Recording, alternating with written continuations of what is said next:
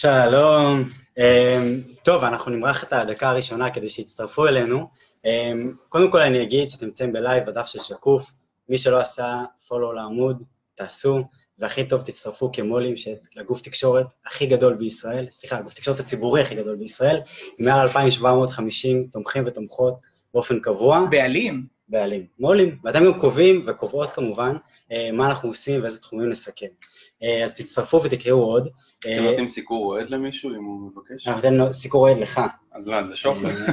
אני לא, אני מבקש. אנחנו נעשה היום debate על מערכת המשפט, ניגע ביועצים המשפטיים לממשלה, במינוי שופטים, בהפרדת רשויות, וגם ננסה למצוא דברים ששני החבר'ה מסכימים עליהם.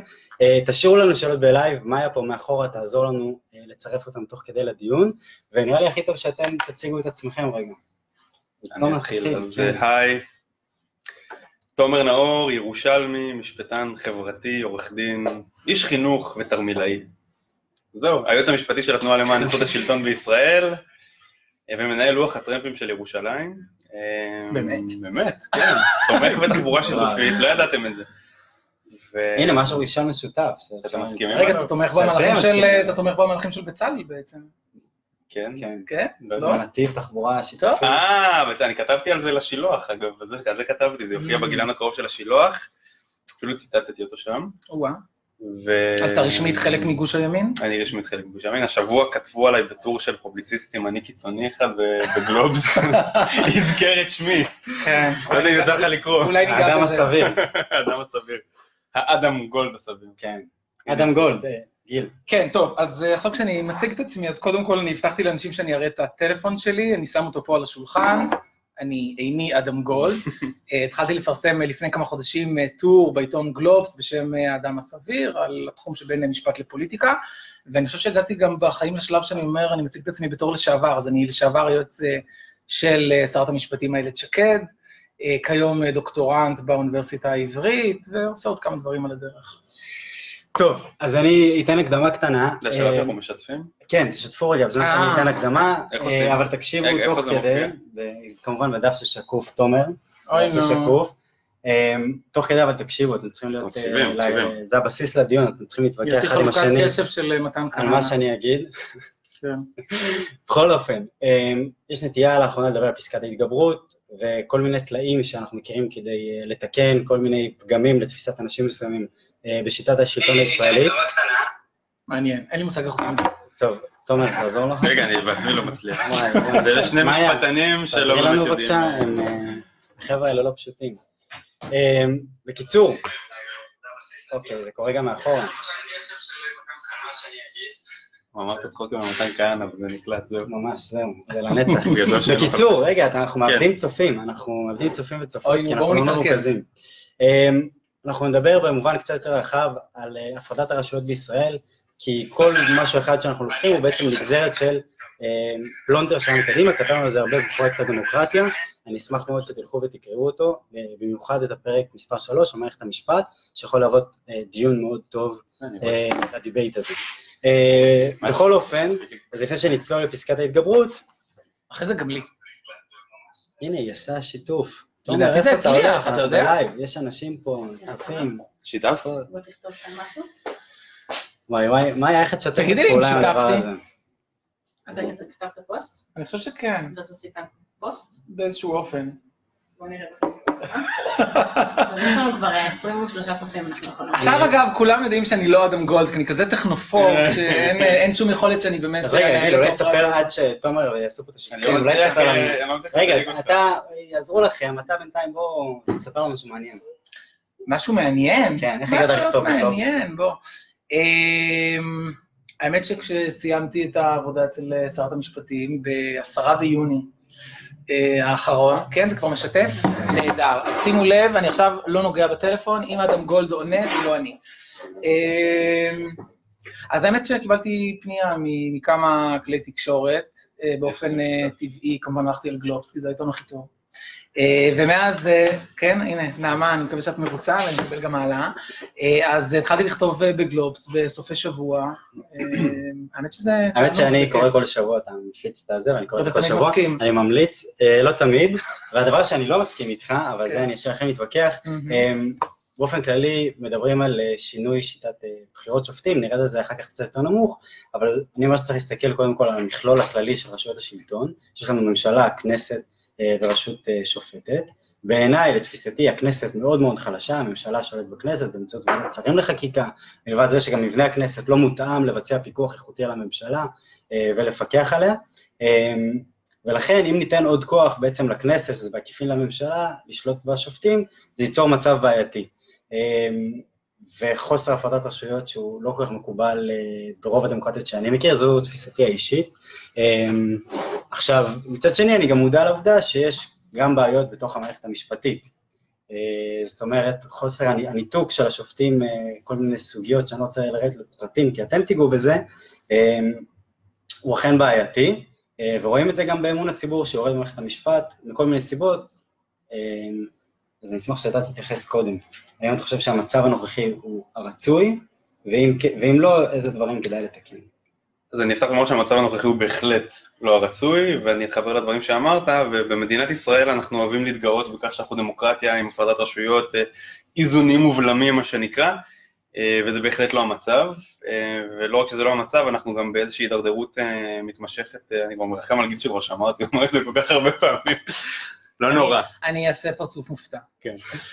אנחנו בהידרדרות מתמשכת של, של כמה עשורים, וזה נחמד מאוד היום שיש אנשים שצועקים על כוחו הגדול של בית המשפט, שאגב גם על זה שווה לדבר, ועל כך שבית המשפט הוא בהחלט לא האקטיביסט הגדול שעשו ממנו, הוא בוודאי לא שולט במדינת ישראל. אה, אבל אה, קודם לרשות השופטת יש לנו בעיה מאוד חמורה, והיא רשות מחוקקת, הכנסת, שנדרסת, נמחקת, אה, מושבתת, נשלטת על ידי הרשות המבצעת.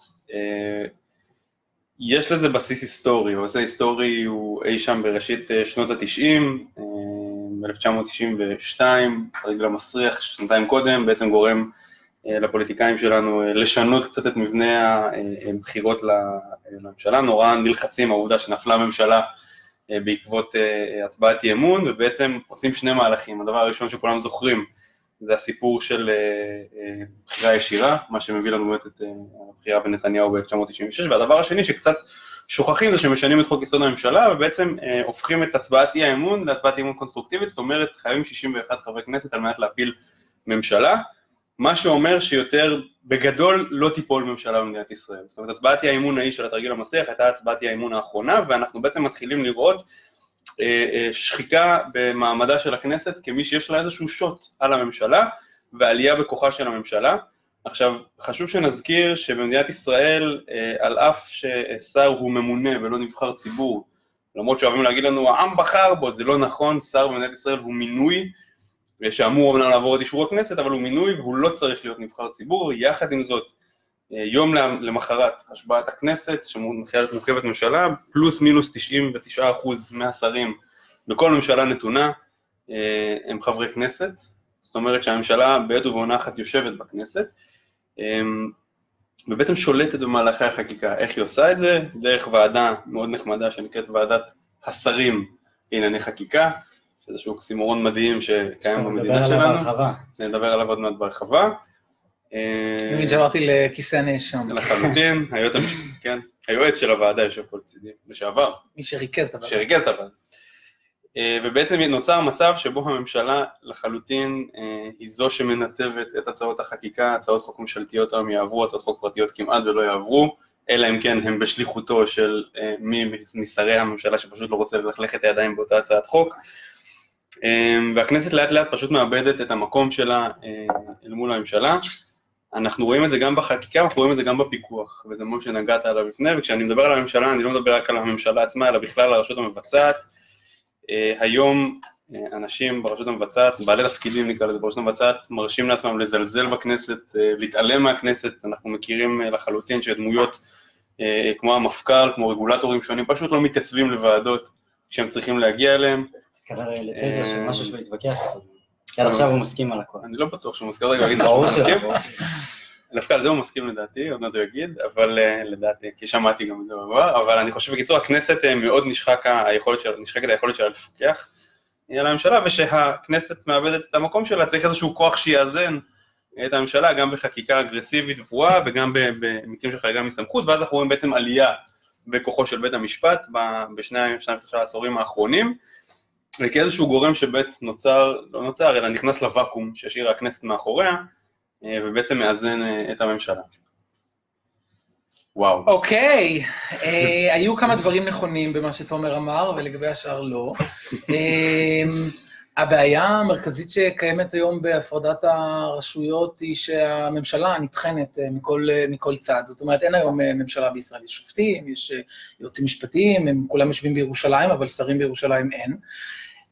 אנחנו רואים בעצם בית משפט שהוא נכנס לכל סוגיה שבית משפט לא אמור להיכנס אליה, סוגיות ביטחוניות, כלכליות, שאלות פוליטיות, ב- בליבה הכי קשה של המושג שאלה פוליטית, בית משפט נמצא שם.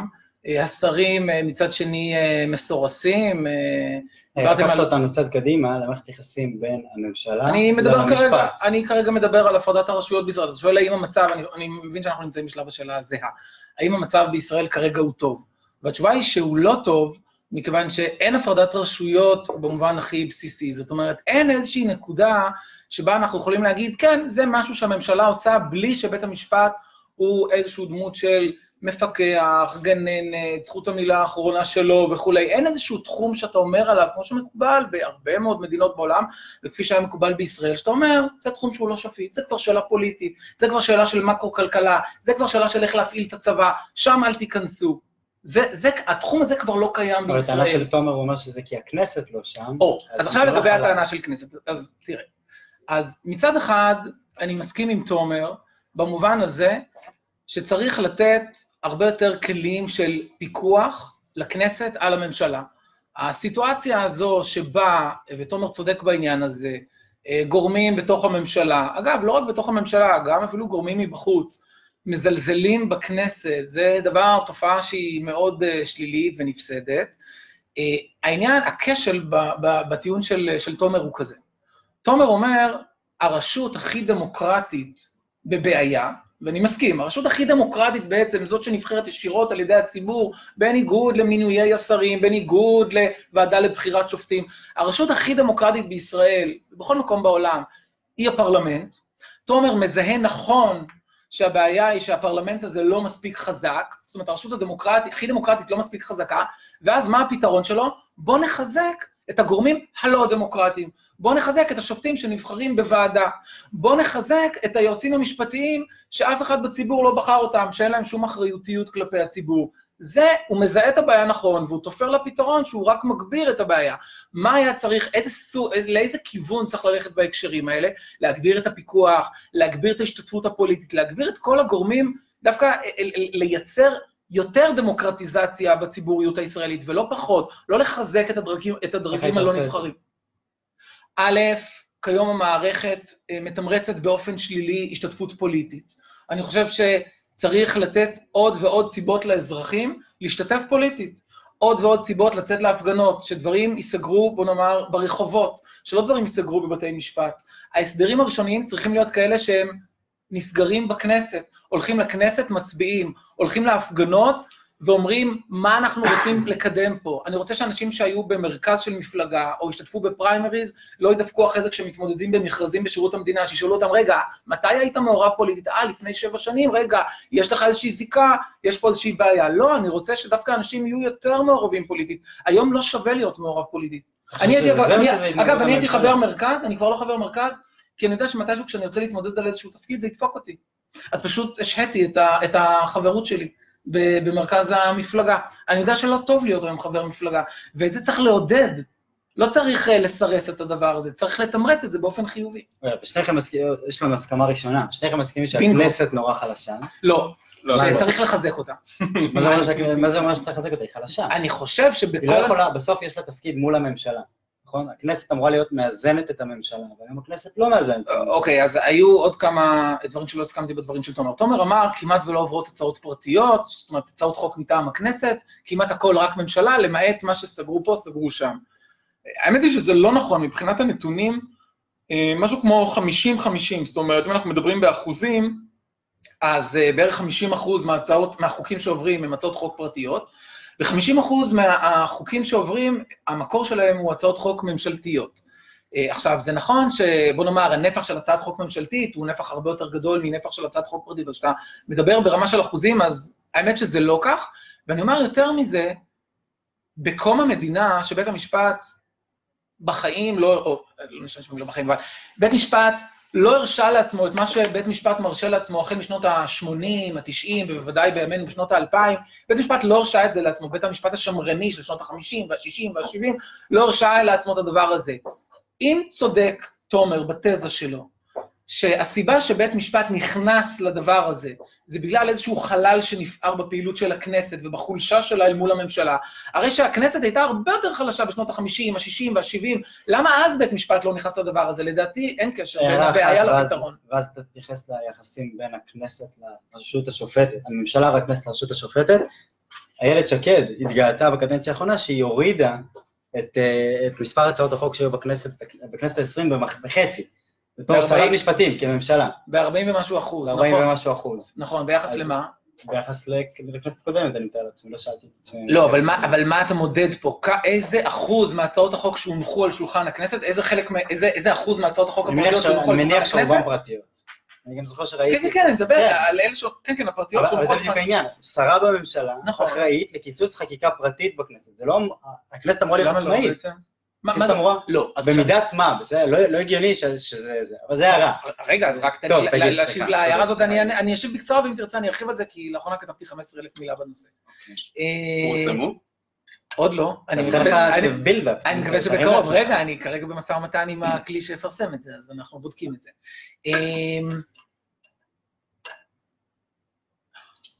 אוקיי, לגבי, אז יש פה, בוא נאמר, אני חושב שיש איזשהו כשל בתפיסה שלנו של מהי הפרדת רשויות. אתה יוצא מתוך נקודת הנחה בשאלה שלך עכשיו, כשאתה שואל אותי על איילת שקד, אתה יוצא מתוך נקודת הנחה שהפרדת רשויות היא ממשלה כאן, כנסת כאן, בית משפט שם, לא, לא. ואת ממשלה, אל תתעסקי לא, לי בהצעות חוק. יש לנו הסכמה שכמובן יש סימביוזה אוקיי, ויש ממשקים. אז זה ששרה אומרת, הורדתי את ה... בחצי. רק שנייה.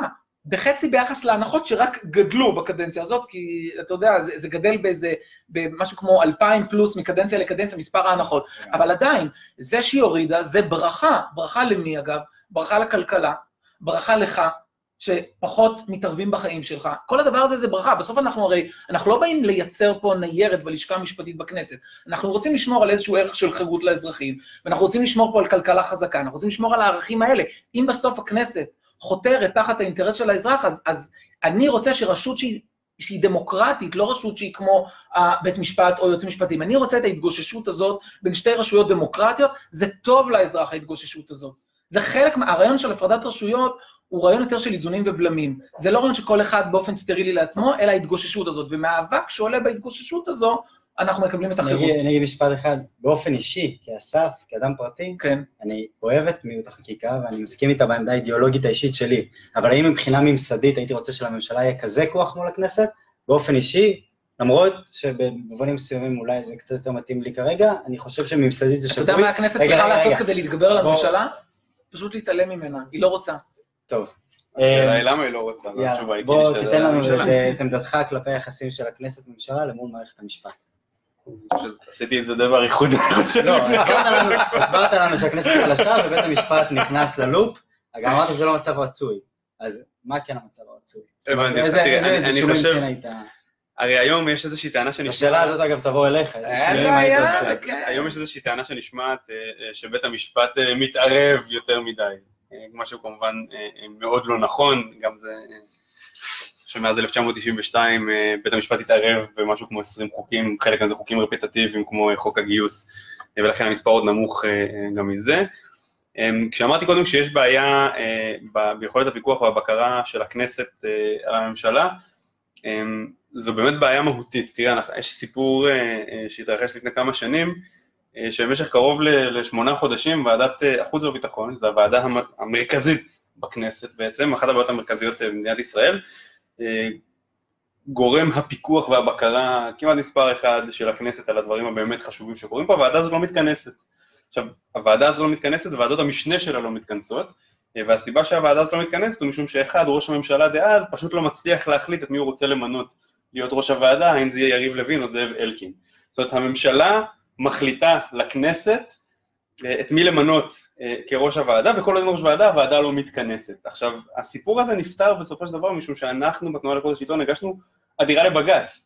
עכשיו זה מצחיק, תראה כמה, כמה גדול האבסורד, אנחנו הגשנו עתירה לבג"ץ, וכשמגישים עתירה לבג"ץ צריך את המשיבים הרלוונטיים, היה לנו ויכוח האם להוסיף או לא להוסיף את ראש הממשלה נתניהו, משום שהוא זה שמשך בחוטים, אמרנו אין לו פה שום סמכות בכלל, אז מראש לא נוסיף אותו.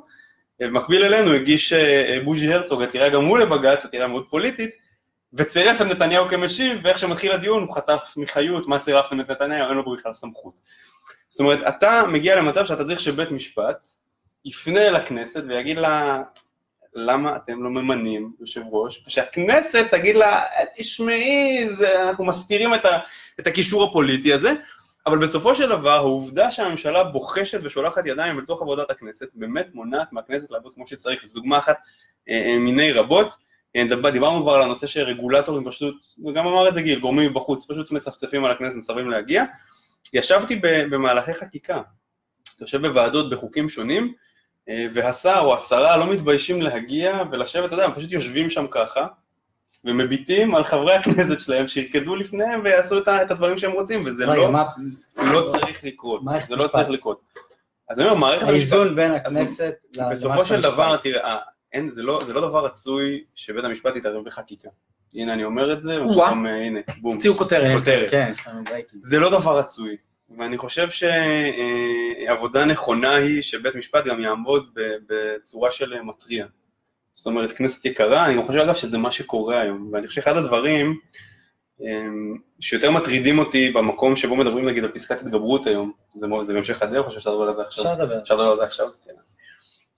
אני חושב שהיום יש איזון מאוד מאוד מאוד עדין, אני חושב שבית משפט מאוד מרוסן היום, אה, שממעט, ואני אומר את זה אגב בתור עותר, אה, שעותר לא מעט, זאת אומרת, אה, רוב העתירות שלי, אה, אתה יודע, פעם מישהו עשה כתבה, ניסה לנגח אותנו, אז הוא אמר 84% מהעתירות של התנועה לאיכות השלטון אה, נדחות. באיזה עיתון זה היה? ו... לא, זה היה בניוז אחד דווקא, זה היה בניוז אחד, אבל בסוף מסתבר שהאחוז בג"צים שנדחים הרבה יותר גבוה. בית המשפט מאוד מאוד מרוסן, גם בהתערבות ביועץ המשפטי לממשלה, בהחלטתה, וגם בהתערבות בחוק. ואני חושב שאחת הבעיות שמדברים על זה שתהיה פסקת התגברות, כביכול זה המהלך הדמוקרטי, אה, שאם תהיה פסקת התגברות ובית המשפט ידע שגם ככה הכנסת יכולה להפוך אותו, אז הוא יתחיל להתערב הרבה יותר בחקיקה ונאבד פה איזשהו, איזשהו איזון. אני חושב שהיום היחסים בין בית המשפט... והנה פעם שנייה שתומר הצטרף אה, רשמית לגוש הימין. כן. הוא בעצם נגד פסקת התגברות, כי הוא רוצה דווקא לעזור לכנסת. הוא רוצה לשמור על האיזון, ואני חושב שבסופו של דבר, אה, ורואים את זה היום בצורה מאוד מאוד יפה, בית המשפט, מי שחי שם באמת, ולא רק ניזון מכל מיני כותרות בעיתונים כאלה ואחרים, ו... ניזון ממכונת הדמוניזציה והדמגוגיה שעושים בשנים האחרונות לבית המשפט, מבין שהמון פעמים יש איזשהו דין ודברים אה, בין, בין בעצם השופטים, בין בית המשפט לבין אה, אה, המדינה ולבין הכנסת, תלכו לחשוב על הדברים, תנסו לנסח שוב, תחשבו עוד הפעם אם זה הכיוון שאתם רוצים, בית המשפט עושה באמת המון מאמצים כן. כדי לא להתערב בחקיקה, ואני חושב שהוא בהחלט עושה עבודה טובה אה, בשמירה על ריסון ובשמירה על איפוק, ו... אתה אומר שבית המשפט מרוסן.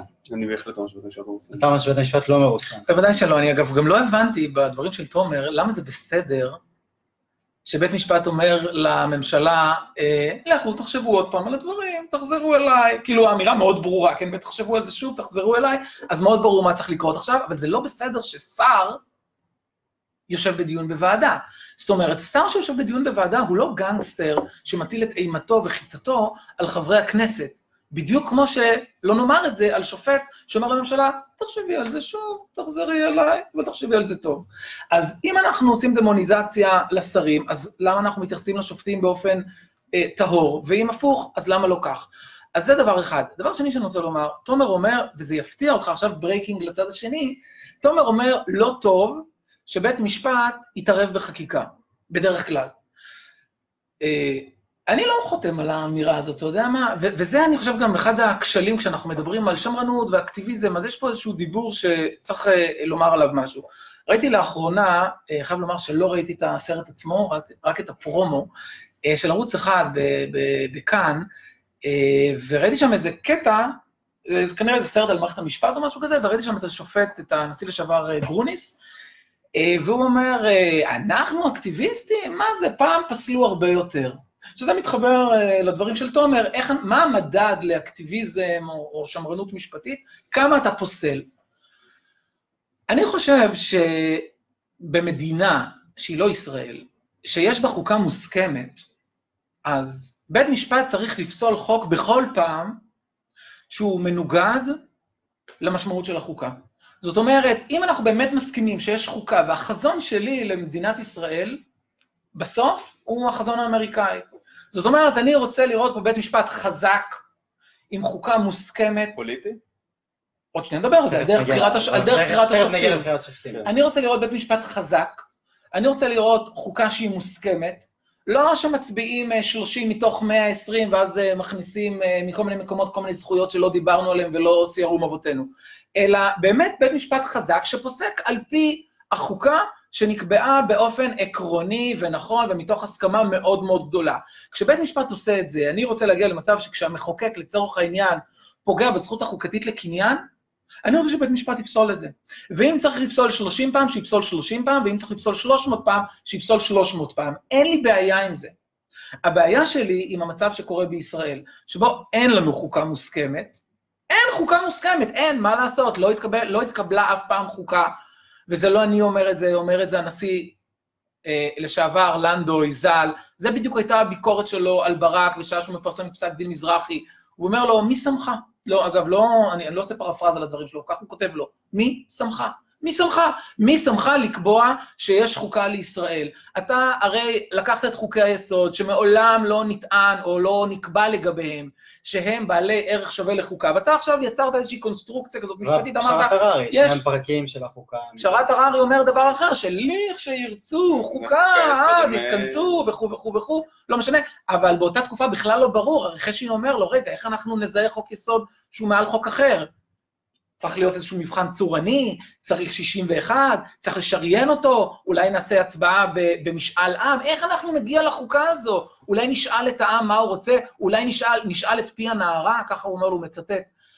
כל הדבר הזה נמחק בשעה שברק קובע פשוט, אנחנו הולכים לישון בלילה, קמים בבוקר ונודע לנו באמצעות מאמר של ברק, שבעצם חוקקנו חוקה. כן, זו המהפכה החוקתית שהוא כותב עליה שישה חודשים אחר כך במאמר אקדמי, ואחרי זה מיישם את זה באופן עקרוני בהתחלה, ב-95 בפסק דין המזרחי, ואחרי זה ב-97 פוסל פעם ראשונה. ככה לא, ככה לא מתנהלת מדינה, וככה, וככה אי אפשר לייצר איזשהו מערך של איזונים. בוא ניקח דוגמה קונקרטית לאחרונה, שאתה חושב שבית המשפט יתערב, והוא לא היה צריך להתערב. אם אתה יודע שזה משהו שהוא יודע, עדיף כדי שתוכלו להתווכח על זה. זאת אומרת, לא, חסר, לא חסרות הדוגמאות כל הזמן. אה, אני לא אפילו לא רוצה לתת דוגמאות מהשבוע האחרון, כי אם פחות דוגמאות חוקתיות, אולי ניגע בהם אחרי זה כשנדבר קצת על דברים אחרים, על עוד ועוד התערבויות. אבל... בוא, בוא נדבר על המקרה של... לא משנה, זה מסתננים. אופיר אקוניס. אופיר אקוניס זה שאלות יותר מנהליות, זה לא שאלות חוקתיות, אבל... אוקיי, אז אופיר אקוניס, אתה רוצה שנדבר? שהוא פחות קשור לנושא הזה. תספר רקע, כן, את הרקע בקצרה. אז אוקיי, אז... רוצה למנות מדענית שהשתייכה בעבר לאש ארגון שהוא לא אהב אותו, והוא לא רצה שהיא תייצג אותו, אז הוא פסל את המינוי שלה. לא, לא, לא, זה לא דרך נכונה להציג את מה שקרה. יעל אמיתי היא פרופסור שקרא לסרבנות גיוס, נקודה, אין על זה מחלוקת. עכשיו השאלה אם גם חזרה על אותו, זה ברור שזה היה לפני עשר שנים ועל זה אין מחלוקת. עכשיו השאלה אם גם אה, חזרה על זה בשנים האחרונות, או התבקשה לחזור בה מהדברים ולא הסכימה לחזור בה, השאלות האלה כנראה אנחנו לא, לא, לא נדע אותן לעולם בגלל הדרך שבה התנהל הדיון. אבל בוודאי שהיא קראה את, את הקריאה הזו. אה, אופיר אקוניס אה, אמר שהוא לא מעוניין למנות אותה בגלל הנקודה הזו, הוא לא מעוניין למנות אותה לאיזושהי אה, נציגה שלו בוועדה בינלאומית שמחלקת תקציבי מחקר וכולי וכולי. הכל טוב ויפה מה שנקרא, עד לנקודה שבה פרופסור יעל אמיתי הגישה עתירה נגד, נגד השר אקוניס, ו... וכמובן, גם הנושא הזה מגיע לפתחו של בית משפט, God knows why, וזה מגיע גם כן לבית משפט, שם אנחנו מגיעים לאיזשהו עניין שאולי אנחנו, אני חושב שעדיף שניגע בנושא הזה כשנדבר על יועצים משפטיים בתפקידם, אבל שם התופעה המעניינת שהייתה זה שמחלקת הבג"צים, שהיא בעצם עורך הדין של המדינה, לא הייתה מוכנה לייצג את שר המדע. זאת אומרת, יש לנו פה מפגש אינטרסים מאוד מעניין בין העותרת, לבין מחלקת הבג"צים, שהיא אמורה להתווכח איתה, היא אמורה לתת את הקונטרה, היא אמורה לייצג את המדינה, את הממשלה בהקשר הזה, ובאיזשהו שלב שואל השופט שטיין, שהוא היה אחד מאלה שהמקרה הזה נדון בפניהם, איך בכלל הגענו לסיטואציה? זאת אומרת, אם, אם העותרת מבקשת להתמנות, והמדינה, מחלקת בג"צים אומרת, אהלן וסהלן, למה לא? אנחנו בעד, כשהשר כמובן אומר נגד, אבל אם העותרת בעד, וגם המדינה בעד, על מה אנחנו מתווכחים פה בכלל? איך בכלל הגענו לסיטואציה המוזרה הזאת? אז אולי כן יש איזשהו ערך לעמדה של השר, אולי לדעה של השר יכול, יכולה להיות פה משמעות, אבל אה, זה נותן לנו איזשהו פתח לשאלות יותר מנהליות, אבל אני חושב שבאמת כדאי לעסוק בזה כשאנחנו מדברים על יועצים משפטיים. נחזור לזה ביועצים רוצה להגיע למקרה של אקוניס? זה מקרה ש... רוצים לדבר על פסילת חוקים ואיכשהו הגענו לדבר על יועצים משפטיים, דווקא הייתי אולי מדבר על... אז דבר על פסילה, דבר על פסילה, כן, אני... אמי פלמור נגיד היה יכול להיות אה, דיון יותר מעניין בסיפור הזה, אבל... אה, בוא נדע, אתה צודק, נשאיר את זה ליועמ"שים, בוא נתייחס לפסילת חוקים, נעשה התייחסות אחרונה ונעבור למינוי שופטים, כי... אז שוב, בית המשפט לא, אתה יודע, לא, לא כמעט ולא פוסל חוקים, זה... זה איזושהי אגדה אורבנית, ואז תמיד כשאתה מתווכח עם, אתה יודע, דוברי ימין כאלה ואחרים, אומרים לבית משפט לא פוסל חוקים, כן, אבל הוא מאיים שהוא יפסול, אז הם כבר מראש לא פוסלים. לצורך העניין אנחנו כרגע מדברים על העיקרון, אבל אתה אומר בעצמך שהוא שולח את המדינה לחשוב מחדש. האם בג"ץ לא, לא פוסל, אז אני אומר, בסופו של דבר, בסופו של דבר, אה, קודם כל נחלק את זה לשתי פסילות, אה, סוגי פסילות נקרא לזה. פסילה שהיא פסילה אה, חוקתית מהותית נקרא לזה, פסילה שהיא פסילה, פרוצדורלית, תודה. אה, קרי מה שקרה לדוגמה בעניין מס דירה שלישית, אה, שאגב יהיו כאלה שיגידו לך שגם שם הוא לא היה צריך להתערב, כי מי אתה שתקבע להם שהם לא קראו כמו שצריך וכן הלאה. אני בא ואומר כזה דבר, בית המשפט לא גנב בלילה את סמכויותיו ומספר לנו כל מיני סיפורים על אותם אה, שלושים שהצביעו ומיקי איתן שצעק מה אתם עושים וכן הלאה, בית המשפט קיבל את סמכויותיו לפסול חוקים מהמחוקק. בית המשפט משתמש בכלים שנתן לו המחוקק על מנת להעביר ביקורת שיפוטית על מעשיו של המחוקק. לו רצה המחוקק לקחת את הסמכות הזו מבית המשפט, היה יכול לעשות זאת. הוא גם מנסה אגב לעשות את זה כבר כמעט 6-7 אה, שנים, והוא לא מצליח. וכשהוא לא מצליח לעשות את זה בכנסת, אה, למרות אגב כל הדברים שאמרתי, אני אפילו אסתור קצת את עצמי, הוא אמר הנה הממשלה ששולטת בכנסת לא מצליחה. ו- והכנסת בסוף תמיד יש לך מישהו בקואליציה, אגב היינו מאוד קרובים כנראה ללאבד, אבל בכנסות האחרות יושב לך תמיד מישהו בקואליציה שאומר חבר'ה עד כאן השתגעתם לגמרי. אה, ואז קורה אגב מצב מעניין, תראה אני לא אנתרופולוג ולא סוציולוג, אבל... רגע, ואז הממשלה אה, מצליחה אבל להעביר את היוזמות שלה? היא לא מצליחה במקרה הזה, אני, אני סותר פה את עצמי, אמרתי את זה לפניך גיל. אוקיי. לא, אה, שישמעו, שישמעו. רק לראות איך שהתזה קרסה. אבל אני אומר, תראה משהו מאוד מעניין, זאת אומרת, הם לא מצליחים, הכנסת מגנה על עצמה במובן של מה שהעברתי בראשית שנות ה-90 אני עדיין מגנה עליו. אותם אנשים שמנסים לשנות ולתקן את החקיקה לא מצליחים, אז מה הם עושים? את מה שהם טוענים שצריך לעשות, לדבר לציבור.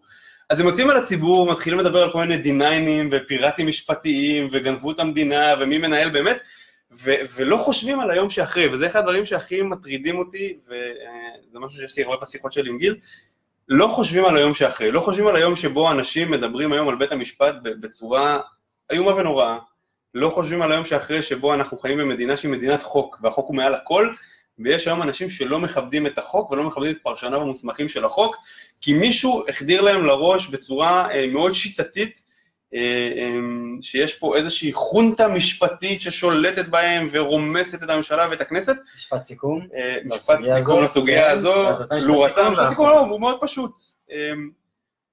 גם אם אנחנו מסכימים שבית המשפט לצורך העניין לא היה צריך להתערב בחקיקה, לו רצה המחוקק באמת לעצור אותו, היה עושה זאת באמצעות חקיקה, כפי שהסמיך אותו לעשות את זה באמצעות חקיקה, וכל עוד הכנסת לא עושה את זה, אז אנחנו פשוט נמצאים במצב הנוכחי, והתודה רבה, ותודה לאל נקרא לזה, על זה שבית המשפט הוא מרוסן ומאופק.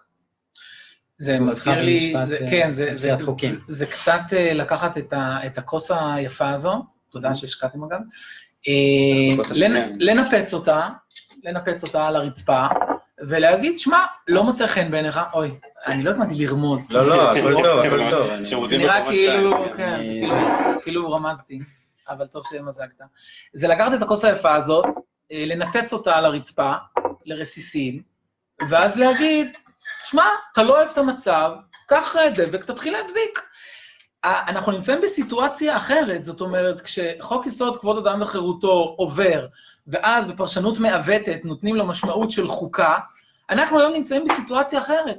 קשה מאוד להחזיר את המצב לקדמותו, אגב, בדיוק ב, ב, ב, מהסיבה ש, שתומר אה, מזכיר אותה, כי תמיד יש מישהו שמוכן אה, למכור את הסחורה המשומשת הזו של איזשהו גורם בתוך הקואליציה שאומר, רגע, שנייה, לא בדיוק, לא פה, לא שם. השאלה, אבל באמת, תומר, אם, אם, וזה רק אני שואל, מכיוון שזה רק משפט סיכום, האם אתה מרגיש בנוח עם הדרך שבה החוקה הישראלית עברה, שאין, זה אופן שאין לו אח ורע בעולם? כן או לא? התשובה היא בוודאי שלא, ואני, אומר משהו אחרון. כן. לא, זה הסיכום. חוקה, חוקה, למעט טרודו בקנדה בשנות ה-80, חוקה זה דבר שעובר בראשית ימיה של מדינה שכולם שמחים ואוהבים ומתחבקים, ואם היית שואל אותי, אה, אמנם בית המשפט כבר פסק הפוך מזה, אבל, אבל יש לך סוג של אה, עקרונות יסוד שנקראים מגילת העצמאות של מדינת ישראל, ואז חתמו עליה כולם, ואפשר היום לחזור לזה ולהגיד, הנה, חבל שאין לנו זמן, אפשר גם לדבר על זה. היינו מדברים על עוד זה. טוב, אנחנו נעבור לשיטת מינוי השופטים, יש כאלה שטוענים שצריכה להיות פוליטית, יש כאלה שצריכה להיות משפטית. היום, אגב, על פי חוק יסוד של הכנסת, חוק יסוד השפיטה, יש ועדה למינוי שופטים שמורכבת מה... נורא מקפידים תמיד להגיד הוועדה לבחירת. לבחירת שופטים. שלושה אה, נציגי בית משפט עליון, שני נציגי, תקנו אותי אם אני טועה, כי אני לא משפטן בניגוד אליכם. אתה אחלה. אה, שני חברי כנסת, שני חברי ממשלה, שני חברי אה, לשכת עורכי הדין ושלושה שופטי בית משפט עליון. זה מתכון שאמור לתת איזון גם מקצועי, שלושה שופטי בית משפט עליון, נציגים פוליטיים, וזה אמור לתת איזון. כרגע אני לא רוצה שנתייחס לדברים נקודתיים, זאת אומרת, אפי נווה והפרשנות שלו, זאת אומרת, אני רוצה שנסתכל על ההיבט המוסדי. רציתי להרחיב בנושא. רציתי, לא, מעניין אותי ההיבט המוסדי, זאת אומרת, איך אתה חושב שראוי לבחון שופטים בניגוד לעכשיו? אבל אני יכול להגיד משהו לפי בוודאי. אני צוחק. אנחנו מאמינים בחופש דיבור. אוקיי, אני מאמין בחופש השתיקה, בחופש השתיקה בהקשרים האלה. תשמע, קודם כל, גם, ב, גם בהקשר הזה, כמעט בכל הקשר שאתה תבחן את, ה, את, ה, את השיטה המשטרית המוזרה של ישראל, אז היא באמת יוצאת דופן. באמת, תמיד יש את כל העולם ויש איפשהו את ישראל. וגם בהקשר של אה, ועדה לבחירת שופטים, אה, אם אתה מבודד את הערכאה העליונה, את הערכאה החוקתית העליונה של מדינה, ואתה בודק איך בוחרים שופטים לערכאה החוקתית העליונה של מדינה. בכל מדינה אחרת בעולם, לא בדקתי את איראן וכאלה, אבל במדינות מערביות, בדמוקרטיות שאנחנו רוצים איכשהו להידמות אליהן. אה, אז, אה, אז התופעה שקיימת בישראל, ולפיה, עוד שאני אסביר למה, אתה לא יכול למנות שופט לעליון, אלא אם כן שופטי העליון הולכים איתך, לתופעה הזו אין אח ורע. זאת אומרת, בשום מקום בעולם, השופטים לא משמשים כשחקני וטו בבחירה של שופט לערכאה העליונה של אותה מדינה. עכשיו אני אסביר למה אנחנו בעצם, למה היום השופטים הם שחקני וטו, כי אתה צודק שיש תשעה חברים, בדיוק בהרכב שתיארת, אה, אה, אה, יש תשעה חברים בוועדה לבחירת שופטים, ולכאורה, מה הבעיה? יש, אפשר להגיע לחמש מתוך תשע, חמישה מתוך תשעה חברים, גם ללא שלושת השופטים. אממה, שגדעון סער אה, העביר את מה שמכונה, אה, שם מאוד מקורי, חוק גדעון סער, אה, והחוק הזה קובע שאומנם מספיק רוב פשוט של חמישה מול ארבעה, זאת אומרת חמישה מתוך תשעה, כדי למנות שופטים לשלום ולמחוזי, אבל כדי למנות לעליון, אתה צריך רוב מיוחד של שבעה מתוך תשעה. תעשה את החשבון, לא משנה כמה יחידות עשית, כדי להשיג רוב של שבע מתשע, אתה חייב את השלושה האלה. ומכיוון שלמרות שהם כולם אינדיבידואליים, כל השופטים תמיד אינדיבידואליים, ובספר אה, עושה הכובעים, כשבן דור מראיין, אה, פרופסור בן דור מראיין את הנשיא לשעבר ברק, אז הוא אומר לו שמעולם לא תאמו ביניהם עמדות לוועדה לבחירת שופטים, אני יכול לומר לך שב-70 שנותיה אה, של ישראל, הם לא הצביעו בנפרד, בשונה, למינויים לעליון. אגב, שרים? רק שנייה. לא, שאלה, אני לא... לא יודע, השרים לא התראיינו אצל בן דור. אבל אה, ברק אומר לבן דור, מעולם לא, לא תיאמנו, מה פתאום וכו', אבל הם תמיד מצביעים כמקשה אחת. קודם כל, אני חושב שזה בכלל לא תקין. זאת אומרת, אם ממשלה הייתה מתפרקת ככה משיקול דעתה ומסמכותה, והיו פשוט עובדים כמקשה אחת, אני מניח שתומר אומר, מה זה? איך אתם כופים את עצמכם? מה פתאום אתם מקבלים החלטה כגוף? כל אחד שיחשוב מה הוא רוצה. אתם כולכם אינדיבידואלים, אבל כששופטים עושים את זה בוועדה לבחירת שופטים, איכשהו זה עובר חלק. אבל מרגע, אבל זה עכשיו הנקודה, ברגע שהם עושים את זה ומצביעים במקשה אחת, אין לך אפשרות למנות לעליון מישהו שהשופטים לא רוצים אותו, ואז הם הופכים, הופכים להיות שחקני וטו, וממילא כבר כל המערכת משתנה, וזה לא משנה עכשיו כבר כמה שופטים יש וכמה זה, זה הופך להיות איזשהו צ'ונט, שאת הסיר הזה כולם בוחשים ביחד, ואיכשהו צריכים להגיע לאיזושהי הסכמה מאוד מאוד מאוד רחבה, כדי איכשהו להעביר את הדבר הזה. זה דבר שאני חושב שהוא לא תקין. אני חושב שאמרתי, החזון שלי הוא בית משפט חזק, הוא בית משפט שפוסק על פי חוקה מוסכמת, אבל הוא לא בית משפט שבוחר את עצמו, והוא לא בית משפט שמשכפל את עצמו, והוא לא בית משפט שאני רוצה לראות שיבוטים שלו. אז רגע, אני רוצה- אני רוצה- וזה היום, יש לנו איזושהי בעיה בעניין אתה הזה. תתייחס באריכות, אבל שאלה שמפוצלת לשניים. בחזון שלך אתה רואה חוקה, אבל אז גם מתקנים את חוק יסוד החקיקה ועושים סדר בכל רשויות השלטון.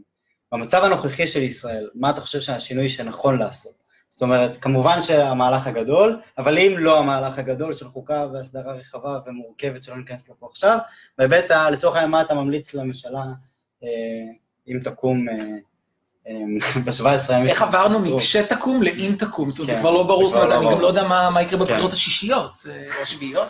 כשהייתי קטן הייתי חושבת שאני אהיה גדול תהיה ממשלה. עכשיו ילדים נולדים ואומרים להם, כן. כשהוא יהיה בן 18 כבר לא יהיה ממשלת. מעבר. אה, אז אה, כן, אה, מה אני ממליץ?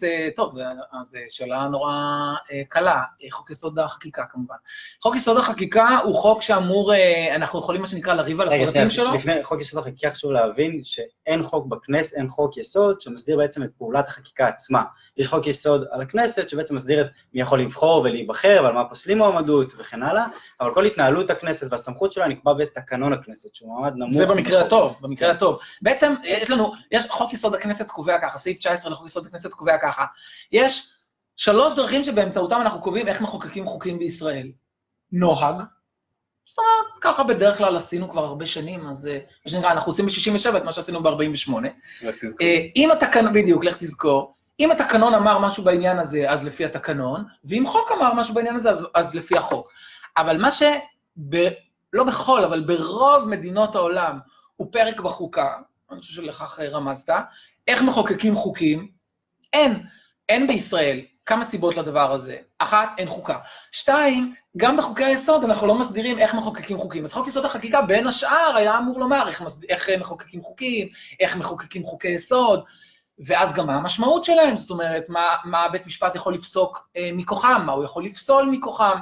ומכיוון שהחזון שלי הוא בית משפט חזק, שפוסק על פי נורמות חוקתיות מוסכמות, אז אין לי שום בעיה, וזה understatement, לתת את הכלי הזה של הביקורת השיפוטית לבית משפט, כדי שבמקרה שבו אנחנו הסכמנו על הערכים החוקתיים שלנו, הסכמנו באמת, לא באיזה רגע, שוב, אני עין. עוצר אותך אז אני- להציע. אז אני אומר לך, חוק יסוד החקיקה אמור בדיוק לייצר את הדבר הזה. הוא אמור מצד אחד להכשיר מהלך של עקרוני, של ביקורת שיפוטית, אפילו חוקתית, זאת אומרת, אפילו לפסול את חוקי הכנסת, אם הם סותרים את אבל חוקי איך היסוד. בוחרים שופטים בסיטואציה? אה, אתה מדבר איתי על, על בחירת שופטים. אה, סליחה, לא, לא, חשבתי ש... בנושא הקודם. סליחה. הבא. אה, אז אה, בהקשר הזה, לא, כי אמרת לי, עכשיו שאנחנו, אין לנו חוקה וכולי, אז איך אנחנו נעשה את זה? בחירת שופטים, אה, תראה, אפשר, זה לא נורא מעניין, אני חושב, את הצופים לעשות את המשחק, אז מה, אז אנחנו נוריד שופט אחד מהעליון, נכניס אחד מהשלום, נחליף, אה, נוסיף עוד חבר כנסת לקואליציה, ואז נשמור על השבע, זה לא נורא מעניין. הבעיה שצריכה להיפתר, היא בעיית שחקן הווטו שיש כל היום לשופטי העליון. אפשר לעשות את זה בשלל דרכים. אפשר לדלל אותם, אז אני אשאל אותך אחד משתי, שתי אפשרויות, או שאתה נותן רוב לדרג פוליטי, כזה או אחר, לא משנה הקונסטלציה, או שאתה מטיל וטו הדדי. זאת אומרת שצריכים להשיג הסכמה. כן, אז אני לא חושב שנכון המצב לייצר... היום הוא אני, וטו אני הדדי. לא חושב שצריך לייצר וטו הדדי בדיוק, זה, זה המצב היום. זאת אומרת, מצד אחד הפוליטיקאים, נגיד, נגיד של לשכת עורכי הדין, אני לא בטוח איפה לסווג את. לשכת עורכי הדין, כי רוב השנים היא הייתה אצל השופטים, בשנים האחרונות היא הייתה אה, יחד עם הפוליטי, אבל, וגם הפוליטי הוא לא מקשה אחת, כי בדרך, בדרך כלל לא תמיד, יש אופוזיציה אופוזיציה, וקואליציה, ולא תמיד כחלון חושב כמו שקד. חוץ מעכשיו, שישראל ביתנו לא, הצטרפה ממש לא לקואליציה כמו והייתה שעכשיו, כמו חברה בתקופת בוז'י, שהיו שניים לאופוזיציה, בוא, המשחק הזה הלך שזה טוב, כביש דו-סטרי. אבל אני. אומר, השופטים בעליון לא יכולים להיות שחקני וטו כדי לבחור את השופטים. בקיצור, אתה אומר. להעביר את הבחירה לדרג הפוליטי, גם היום, לפני שיש יסוד חקיקה, רצוי עם יסוד חקיקה. אני אומר לבטל את זכות הווטו. איך לעשות את זה? האם פשוט להוריד את מספר השופטים, או להעלות את מספר הפוליטיקאים, או, לא, או להוריד את הרוב של גדעון סער? אפשר לשחק עם זה, זה לא נורא מעניין. העיקר לבטל את הווטו. מה אתה חושב על זה? קודם כל לא שמעתי דבר אחד מעניין, זה להעיף משם את אה, לשכת עורכי הדין. אני לא חושב שהם צריכים להיות שם, אני לא מבין מה הם עושים שם, זה איזשהו שריד היסטורי, ואני עורך דין. אגב, אין לי שום בעיה עם זה. לי... מאה אה, אחוז, הסכמה אני. שנייה, הסכמה שנייה. או-אה, הכנסת חלשה, אבל אני לא בטוח שאנחנו נסכים על מי נכנס במקומה, ואני אשמח לתת את ההסכמה שלי כשאני יודע מי נכנס במקום שני דבר ראשון, לשכת עורכי הדין לא צריכה להיות שם, אני... שלל הבעיות שיש לי עם לשכת עורכי הדין, אני חושב שזה אחת ה... פשוט הם לא צריכים להיות שם. עורך דין לא צריך לקבוע מי יהיה שופט, באופן כללי גם, ואפי נווה כנראה לקח את זה לדרגת אומנות, אבל הקשר בין שופטים לעורכי דין במדינת ישראל הוא, הוא חולה. ראינו את זה גם העובדה שבשנים האחרונות ממש מהמקפצה הראו לנו את הקשרים האלה, זה לא נכון, זה לא צריך להיות. אה, וזה צריך לנתק. ואחד הצעדים הראשונים שעושים כדי לנתק את זה, זה מוציאים את אה, חברי הלשכה מהוועדה. אה, משהו מעניין שגיל לא אמר, הוא סייג ובסוף רק אני רוצה לשנות את זכות הווטו, אני כן דווקא אתייחס לשיטת מיון השופטים ואני אומר שאני רוצה נציגים מקצועיים בוועדה הזו. נציגים מקצועיים מבחינתי הם בהחלט השופטים, משום שהם קודם כל יושבים שם והם יודעים מה זה להיות שופט, חפים מאינטרסים, חפים מפוליטיקה? לא, זה לא משנה, אבל אתה בסופו של דבר, אתה רוצה, אתה רוצה שופט שישב בוועדה הזאת, ואתה רוצה שופטים שיביאו את חוות דעתם, אה, ואני בסופו של דבר, מה שאני חותר אליו זה שאני לא רוצה מינויים פוליטיים. אה, ואני שומע את זה, זה משהו נורא נחמד. תראה, קודם כל, ראשית דבריו של גיל, שדיבר על כל מיני דמוקרטיות בעולם, אנחנו לא ארצות הברית.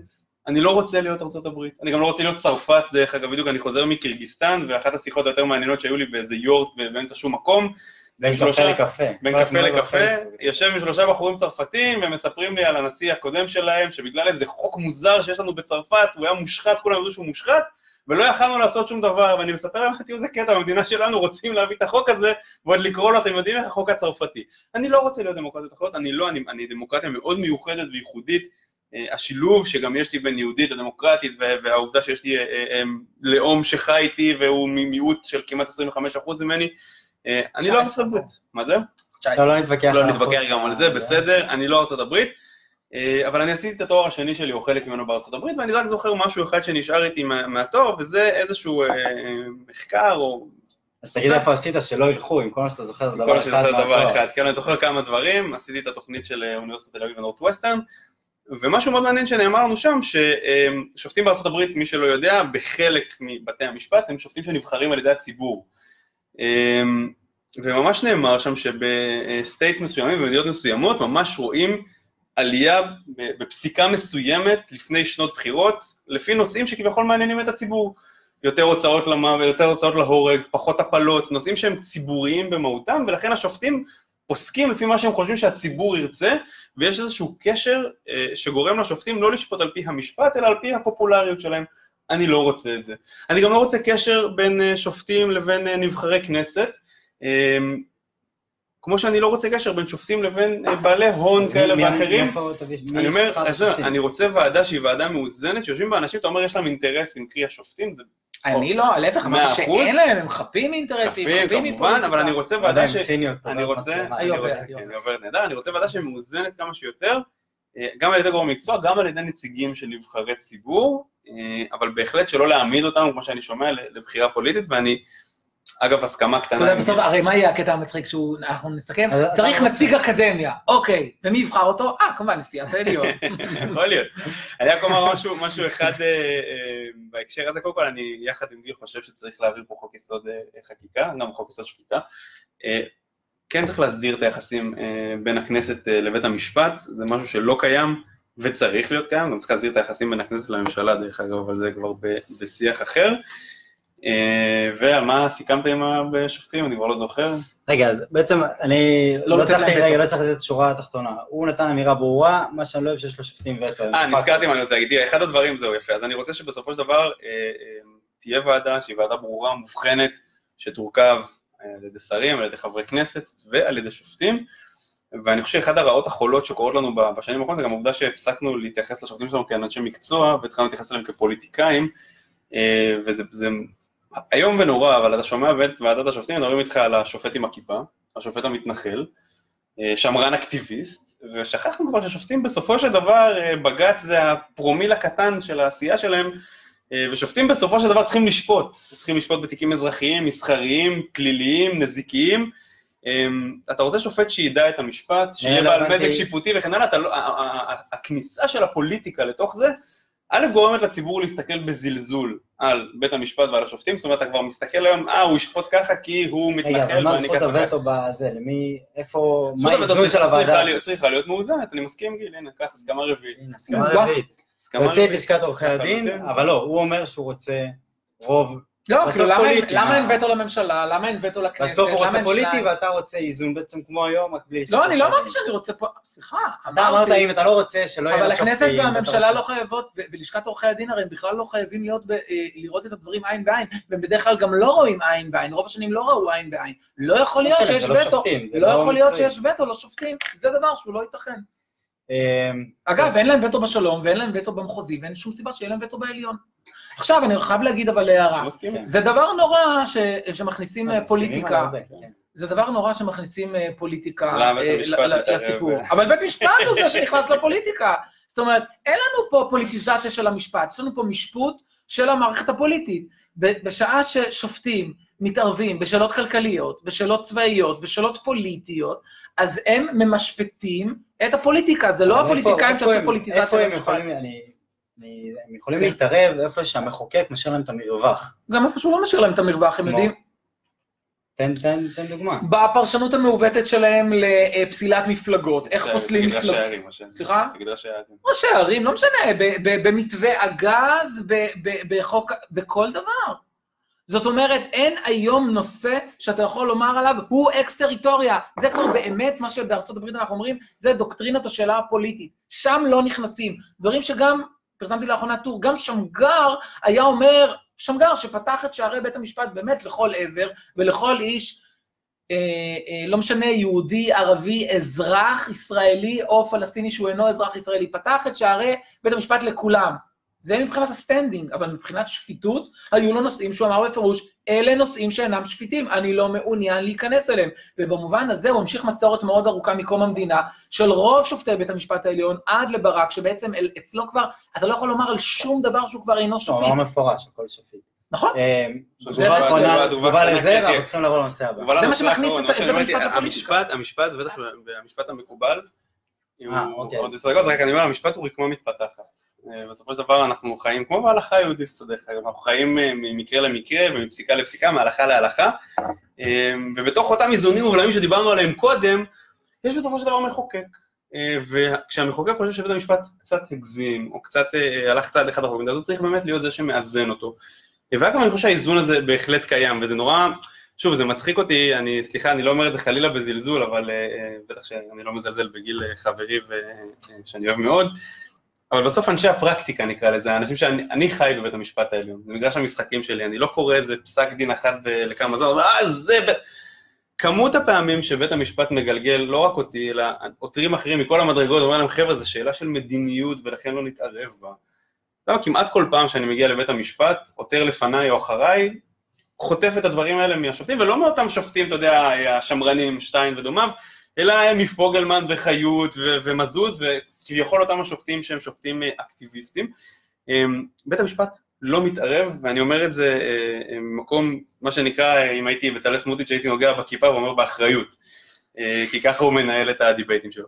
אה, באחריות, בית המשפט לא מתערב, אה, והניסיון לבוא ולומר שהוא הופך את עצמו לשחקן פוליטי וכו' וכו' וכו', זה, זה פשוט עובדתית בשטח לא נכון. מה זאת אומרת, אנחנו מכירים את אוקיי. זה, אנחנו מכירים את רגע, המקרים. רגע, אנחנו יודעים ש- שאין פה הסכמה, אני כן חשוב לי שניגע ב- אה, ביועצים משפטיים. אז אין לנו הרבה זמן, אז אנחנו נצטרך... אני גם? אגנוב לכם אה, אה, עשר דקות יותר ממה שתכננו. ברשותכם. אה, זה דבר אחד. רגע, לי, אתם איחרתם. להאריך את הפיינגו? אתם איחרתם. כי תומר לא, אחרי. שבע, אחרי שבע, אין לך. הנחתי את זה. אז זה דבר אחד. אמ, אני אתן הקדמה, קודם כל כתבנו בשקוף אה, כתבה ארוכה, תפקיד היועצים, גם היועץ המשפטי לממשלה וגם היועצים המשפטיים במשרדי הממשלה. אמ, אני אתן הקדמה קטנה ליועץ המשפטי לממשלה וליועציו במשרדים. אה, נתחיל מהיועץ המשפטי לממשלה, יש לו כמה כובעים מאוד משמעותיים, קודם כל הוא ראש התביעה הכללית, אה, שזה ייחודי לו, תחתיו יש את פרקליט המדינה שבעצם עוזר לו, עומד בראש מערכת התביעה הפלילית, אבל ההחלטות הסופיות נמצאות בידיים של היועץ המשפטי לממשלה.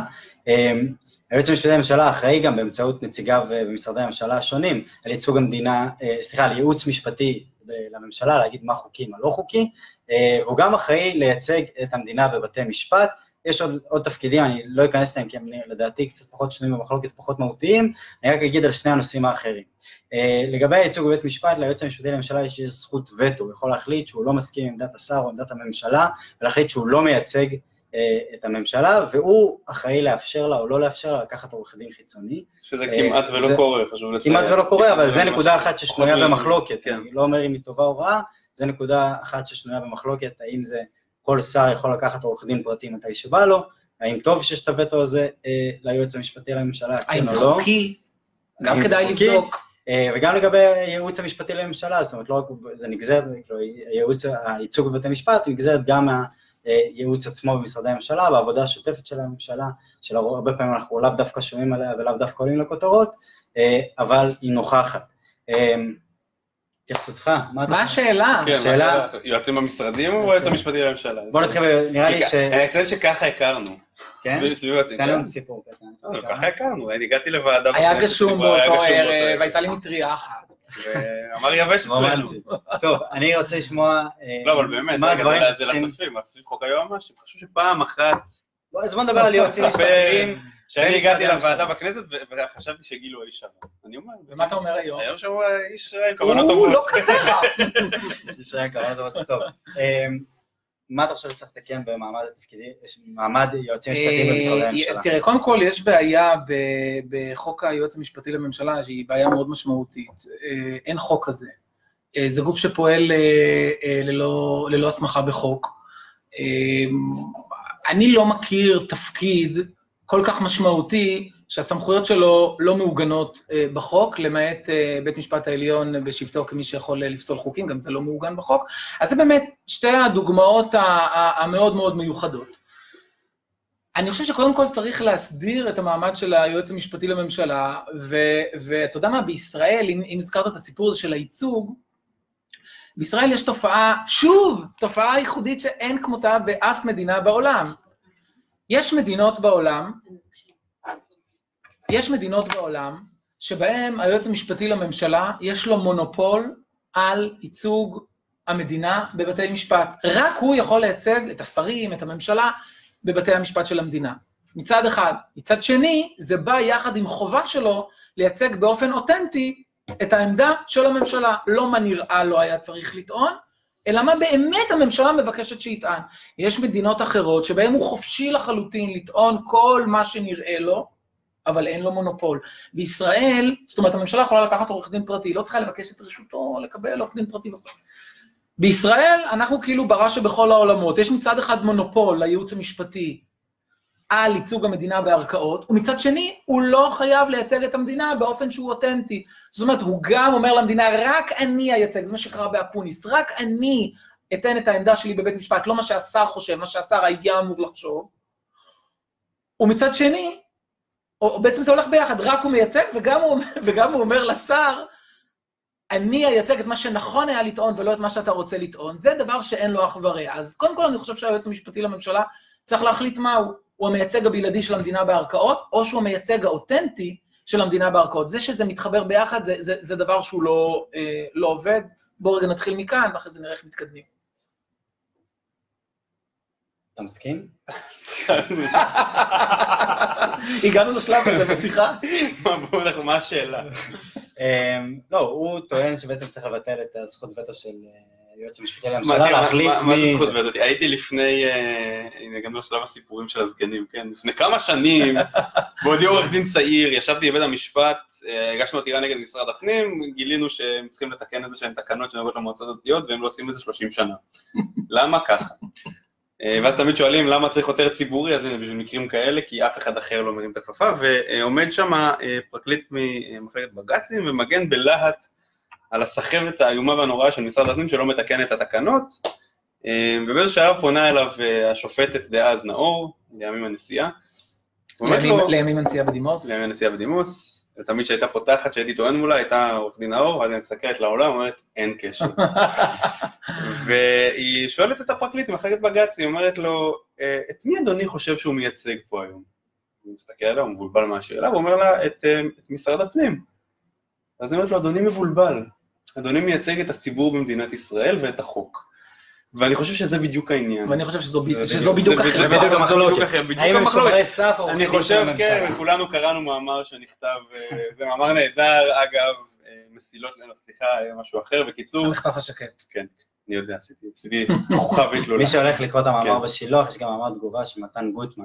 של כמה לדעתי כתבו לו שם, לא? כן, כמה. ובקיצור, אה, אה, אה, אני חוזר לזה, אני חושב בסופו של דבר, אה, היועץ המשפטי לממשלה בסוף הוא פרשן מוסמך של החוק בעבור הממשלה. אמ, ולכן השאלה היא לא אם הוא מייצג או אגב, לא הוא פרשן מייצג, שהוסמך איפה? זו שאלה נהדרת, בנוהג שעליו דיברת קודם, כן, אבל...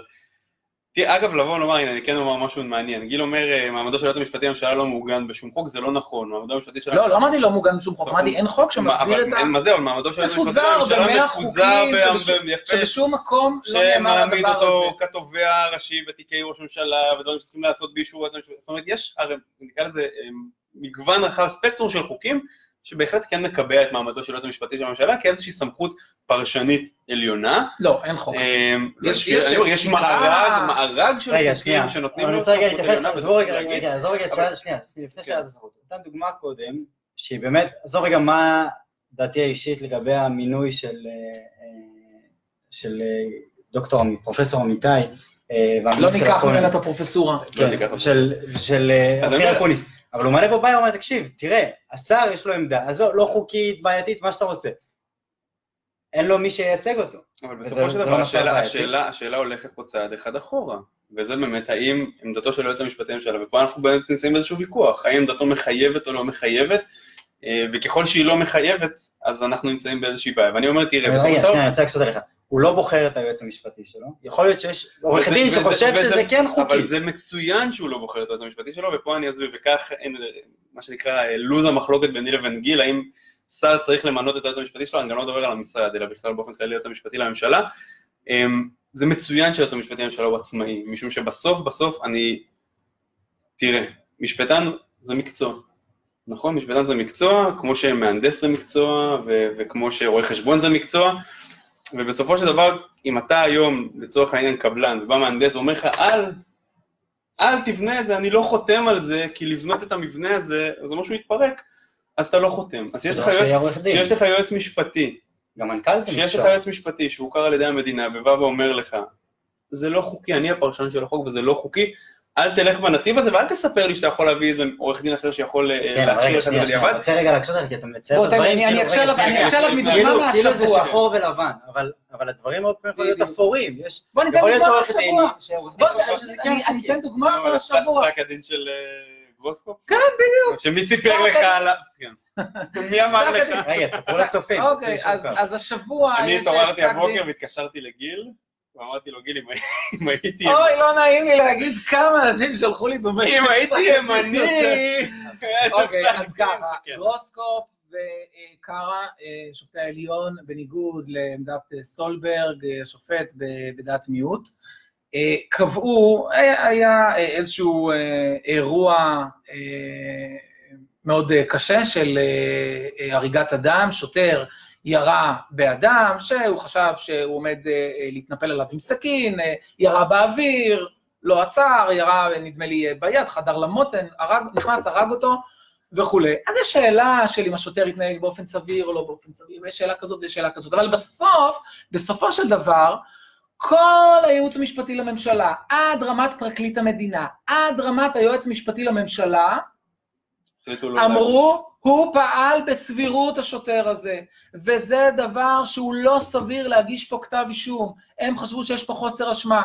ובית משפט, השופטים גרוסקופ וקארה, אומרים, היועץ המשפטי ופרקליט המדינה טעו. ואתה אומר, זה סיטואציות, אתה צודק, אתה אומר סיטואציות, מה זה, זה לא חוקי? לא חוקי.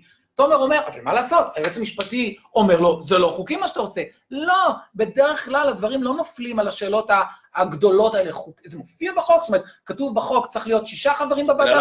רק שנייה, והיו שמונה. אלא השאלה של הסבירות. הנה מקרה, שבו. אפילו פרקליט המדינה והיועץ המשפטי לממשלה, מי היה מאמין, טעו בשאלה של סבירות. אז בית משפט עוצר אותם, אבל עכשיו בוא נחשוב רגע. אבל רגע, אבל רגע, אבל זו עכשיו, שנייה, רגע, אבל- אבל זו הנקודה עכשיו החשובה. אבל אני רוצה להגיד מה- בית משפט אומר בפסק הדין. כי זה חשוב. הוא מדבר, על זה שההחלטה שלהם הייתה לא סבירה. ומה הוא אומר? אני לא אומר אשם לא, אני אומר יש פה מספיק להגיש כתב אישום, על מנת שבית משפט ידון לא, לא משנה, בדברים. לא, שאלה כבר- לא, זה כבר שאלה בתחום הפלילי, אבל הוא. אומר להם, שיקול הדעת שלכם היה לא סביר, לא סביר, באופן קיצוני הוא אומר להם. הרי הפסיקה אומרת, מתי מתערבים בכלל בשאלה של להגיש כתב אישום או לא להגיש כתב אישום? רק כאשר ראש התביעה עשה טעות קיצונית, כשהוא פעל בחוסר סבירות קיצוני, רק אז.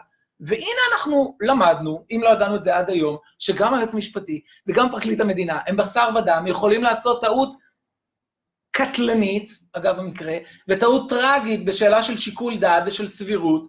למה כשיש מחלוקת בין שר לבין יועץ משפטי, והשר אומר, בעיניי זה סביר, והיועץ המשפטי אומר, בעיניי זה סביר, ומה שאתה אומר לא סביר, והוא אומר מה שאתה אומר לא סביר.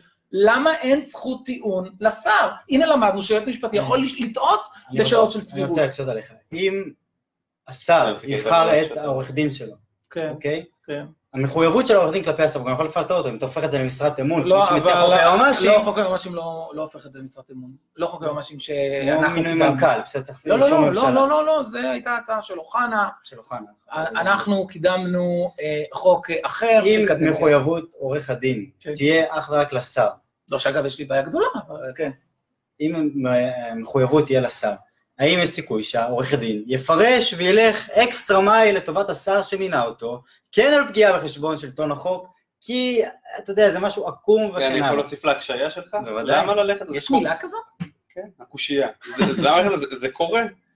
כל פעם במשרד ממשלתי, או ברשות מקומית, דרך אגב, שאתה רואה עבירות, אה, אה, נקרא לזה, מתחום השחיתות המנהלית, סטייה מהמינהל התקין, אני לא הולך אפילו רחוק לדיני מכרזים וכן הלאה, דברים שקורים פה, קרו פה בשנה האחרונה בלא מעט משרדים ממשלתיים, תמיד זה אחד מהשניים, או יועץ משפטי שהוזז, נרמס, אה, לא התייחסו אליו, או יועץ משפטי שהוא איש שלומו, או של ראש הרשות, או של השר, שהחליט לתת לו את הפרשנות הזאת, מה שהוא צריך נקרא לזה. ואנחנו רואים את זה אגב בעיקר ברשויות המקומיות, אה, ובייחוד ברשויות מקומיות קטנות, ששם אין אה, יועץ משפטי in-house, אלא הם הולכים ליועצים משפטיים חיצוניים, משלמים להם כמה שקלים, ולפעמים אתה קורא חוות דעת פשוט מגוחכות. ולכן, אה, אה, ועוד רגע, זה ההקשה שהגיעה, אנחנו רוצים יועץ משפטי שיהיה עצמאי, ושיעדיף את אה, עליונות החוק וטובת הציבור בסופו של דבר, על פני השר שמינה אותו, או ראש העיר שמינה אותו במקרים האלו, אה, וזה תמיד אני תוהה איך אתה מתמודד עם זה, הנה. אני רואה, אני, אני. רואה יועץ משפטי לממשלה, אני רואה פרקליט מדינה, נבחרים על ידי הממשלה, לא מפחדים להגיש כתבי אישום, בכפוף לשימוע, לא בכפוף לשימוע, אבל עושים את הדבר הזה, זאת אומרת, דווקא אתה, שאתה מספר על, על איזשהו אתוס של שמירת סף וכולי, בוא, תאפשר אותו, אבל השאלה היא האם לשר עדיין יש איזשהו מקום להיות מעורב, והאם לדרג הפוליטי יש איזשהו מקום להיות מעורב בבחירה של יועץ משפטי לממשלה? אני, אני חושב שכן. אני, אני, לא? אני, לא- אני לא מצליח להבין למה השר הוא מוקצה בעניין הזה. מה דעתכם על שיטה שמערבת זכות וטו לשר וליועץ המשפטי לממשלה? זה בדיוק החוק שהצענו. בדיוק החוק שהצענו. הצענו ועדת איתור של חמישה אני הכרתי חברים. בחוק של אוחנה. לא, לא, אז החוק של אוחנה הופך את זה אה, למשרת אמון. שזה מאוד בעייתי. לא יודע, אבל החוק שאני, כאילו לא משלמים לי מספיק את זה שאני אייצג את זה. אבל אה, לא כמו שאתם שילמתם לי כדי אוקיי. לייצג את ה... הבטיחו לנו בורקסים ב-AMPM אה, על... לא ב-AMPM, בארומה הקשה. ב-AMPM הקשה. הוא כבר- שדרג לארומה. אז... לא, פשוט ה-AMPים אני לא בטוח לגבי הכשרות שלהם. יש לי תחושה שהם פתוחים בשבת. אה, זה לא ההצעה משודר שלנו הייתה, יש שלושה אנשים שרואים את זה עכשיו. ההצעה שלנו הייתה, אה, לא בכלל. ההצעה שלנו, אמא ואבא של גיל. כשהם ידעו איך להפעיל פייסבוק. אה, זה debate אחרון שמביאים וויסקי. כן. ההצעה- שלנו, אגב, אני מדבר ככה בלי לשתות את זה. אה, ההצעה שלנו הייתה אה, ועדה שמורכבת מחמישה חברים, פחות או יותר שניים וחצי, נקרא לזה בשליטת השר, שניים וחצי בשליטת היועץ, נותנים איזושהי, איזשהו שם, והשם הזה יכול אה, להתמנות על ידי השר בהסכמת היועץ. זאת אומרת, גם 50-50 ב- ב- בהרכב של הוועדה, גם מינוי בהסכמה בסוף הדרך, נראה לי מאוזן.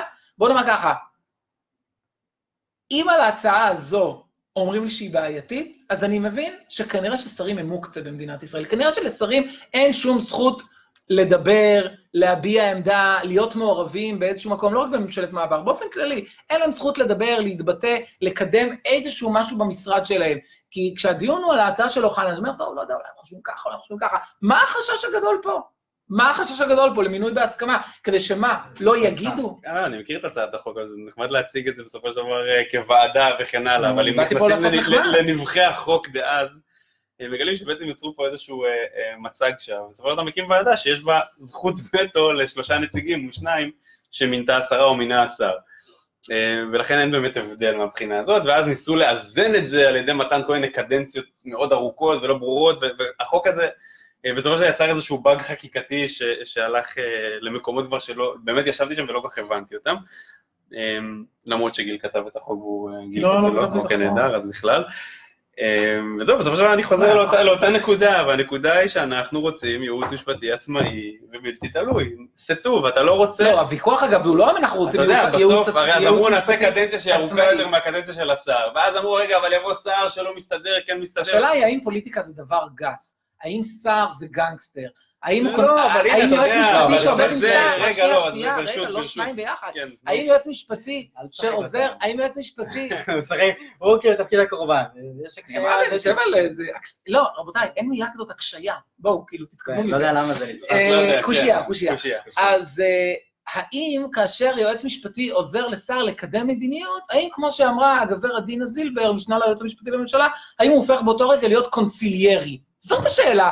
לא עצמאות- לא לא, של לא עצמאות של היועץ, לא הזכות שלו לדבר, אלא אם יש חובה לשר לסתום, ה- זאת השאלה. מה שנקרא, אה, הטיעון שאני תמיד שומע זה אתם חושבים שכולם מושחתים. בוודאי שאנחנו לא חושבים שכולם מושחתים. אנחנו יודעים את זה. אנחנו חושבים שרוב רובם המוחלט הם אנשים טובים וישרי דרך, ואנשים שרוצים להוביל מדיניות, ומה לעשות כשאנשים רוצים להוביל, להוביל מדיניות, לפעמים הם קצת הולכים לתוך האזורים האפורים. אנחנו מדברים על הפרקליטות עכשיו או על ה... כן, וכשאנחנו- כשאנשים נמצאים בעלי אה, כוח להוביל מדיניות באזורים האפורים, אתה רוצה את הבן אדם שלא יפחד להגיד להם, הלו, ואם פוליטיקאי. שמוביל מדיניות וצריך להיבחר אחרי זה לכנסת ויש לו אחריותיות כלפי הציבור, אתה חושש מה יעשה לו הכוח, על אחת כמה וכמה, בן בנו של קל וחומר לגבי יועץ משפטי שלא נבחר על ידי הציבור ואין לו אחריותיות כלפי הציבור, ויש לו ככה כוח ביחס לפוליטיקאי. מנגנונים- מנגנונים אחרים לפיקוח על עבודתו של היועץ המשפטי לממשלה, או היועץ המשפטי, אגב, למשרד, הם קיימים. כן. נכון, לקראת סיכום. מסיימים, עוד דקה. שתיים. אפשר לו את אה, היד? אני רוצה, רגע, שנייה, אני רוצה, תחבקו גם, אבל רגע. אה, שלושה דברים שאתם מסכימים עליהם שאספנו. אתם שניכם מסכימים שהכנסת לדעתי חלשה היו איזה מדי, ארבעה. הכנסת חלשה מדי, שניכם מסכימים שצריך חוק יסוד חקיקה. אוקיי? ולהוציא את לשכת עורכי הדין מ... אני לא, הוא לא הסכים, אז אני אני. כשאני אדע מי מחליף את לשכת לא, עורכי הדין, אבל אני מוכן... הסכמה אה, עקרונית שזה לא אני מקומם מוכן שם. לומר אה, האם הם יצאו או לא הסכמתם מה יהיה אחרי, או מה אני- המודל שנינו- הראוי, שנינו אבל... מבינים מה היא עושה עכשיו. אה, טוב, היה כמה שאלות מהקהל, אנחנו נעבור עליהן מהר, אה, ומה שאנחנו לא נספיק, אני נותן גיל לתומר לענות, הוא מייצג את העמדה שלי. הבטיחו לענות אחר כך... אה, אתה רוצה שאני אענה במקומך ואתה תענה בוא'נה, אני במקומי? חושב שזה, אני טוען שאני יודע לומר את הטיעונים שלך, לא ולהפך. אז- להפך, בוא נעשה את ולהפך, זה אמרתי. בפורים, בפורים. למה את לדעתכם. המחוקק לא יודע לקבוע אנשים לבעלי תפקיד שלא מגיעים לדיון בוועדות הכנסת, כמו מפכ"ל או מנכ"לית עוד הבנק? פעם שוב? סתם אמרת רגולטורים טוב, שלא אנחנו מגיעים אנחנו לדיון מסכימים על. זה, זה בעיה. כי אין- אין מנג- אין מנגנון שמחייב... כנסת. חלשה. כן, כן. אה, כנסת חלשה. אה, יוני בונה, תודה. יקיר. מלכה, מה הבעיה להקים ועדה כמו חבר'ה מושבעים של אזרחים רנדומליים שיחליטו מי יהיו השופטים בעליון? אתה אמרת קודם שאתה רוצה מינוי מקצועי. אני רוצה מינוי, אני- אני בהחלט רוצה שהשופטים יהיו מינויים מקצועיים, אנשים שמבינים משפט, שיש להם רקע במשפט, והבנה של משפט, ומזג שיפוטי. אני בהחלט לא רוצה אנשים, אה, אה, לא חלילה שאני מזלזל בחבר מושבעים בסופו של דבר, כן, אבל אני בהחלט לא רוצה אנשים שאתה יודע, אתה, אני מניח, גם מסכים איתו. כאלה אני, מאוד אשמח שזה יהיה מקצועי אם בית משפט יחזור להיות בית משפט מקצועי. כל זמן שבית משפט חודר לתחום הפוליטי, הבחירה צריכה להיות פוליטית. אולי גם נבחר את הח"כים שלנו. רגע, אולי גם את הח"כים נבחר באופן חבר- מקצועי. חבר- חבר מושבעים? לא, רגע, זה החבר מושבעים. איך הם מקצועיים? תענה לשאלה, כן, גיל ברינגר, כן. חבר מושבעים?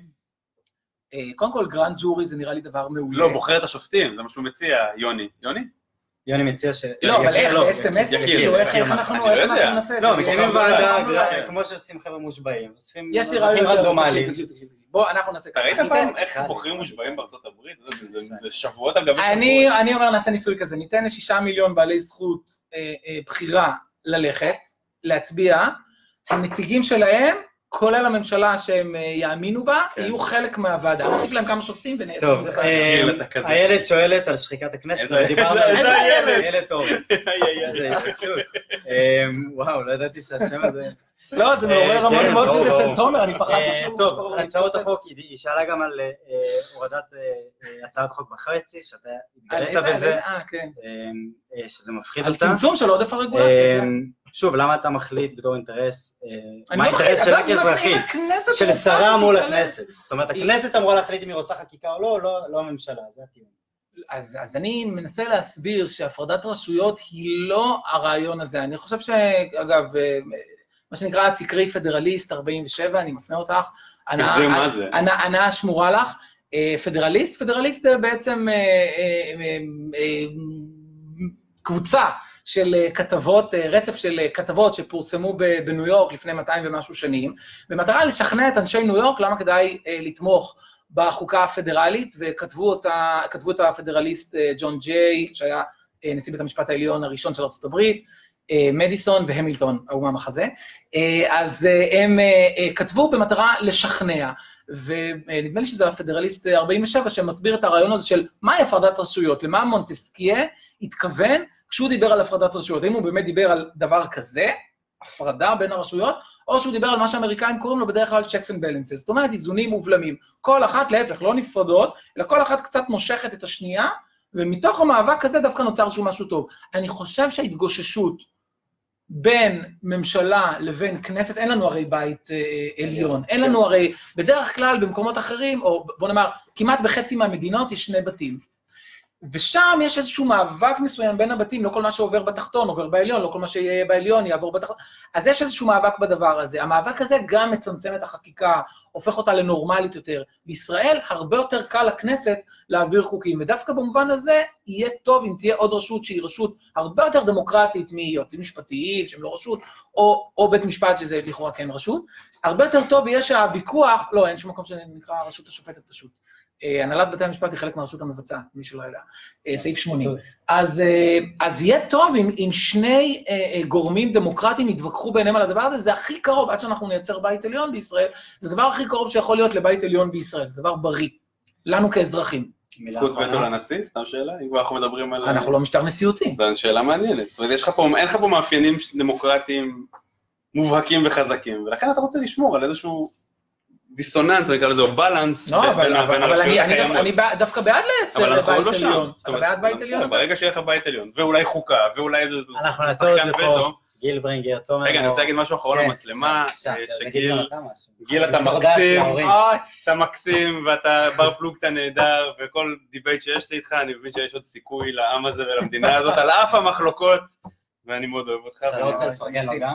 אני, הסיפור שתומר נוהג לספר, שכשהקמנו, בעצם זה היה בתוך איזשהו debate, כן, בלילה הגשום, זה היה אצל עובד יחזקאל, וכשקיבלתי את זכות הטיעון האחרונה, הוא אמר לי, אולי משהו שאתה רוצה לומר שעוד לא אמרת, אז אמרתי, ואני גם אומר את זה היום, של, זה הבעיה בלהתווכח עם תומר, שיש לו טונה, לא רק של רסטות, יש לו טונה של חן. והוא אדם מקסים, ואני מאוד אוהב אותו, ובאמת... אני מרגיש שאני מפריע באמצע פה. כן, תזוז. גיל, תומר, תודה רבה. תודה לכל מי שצפה. בוודאי, תודה רבה לכם. ההורים של גיל, יש לכם... ביי.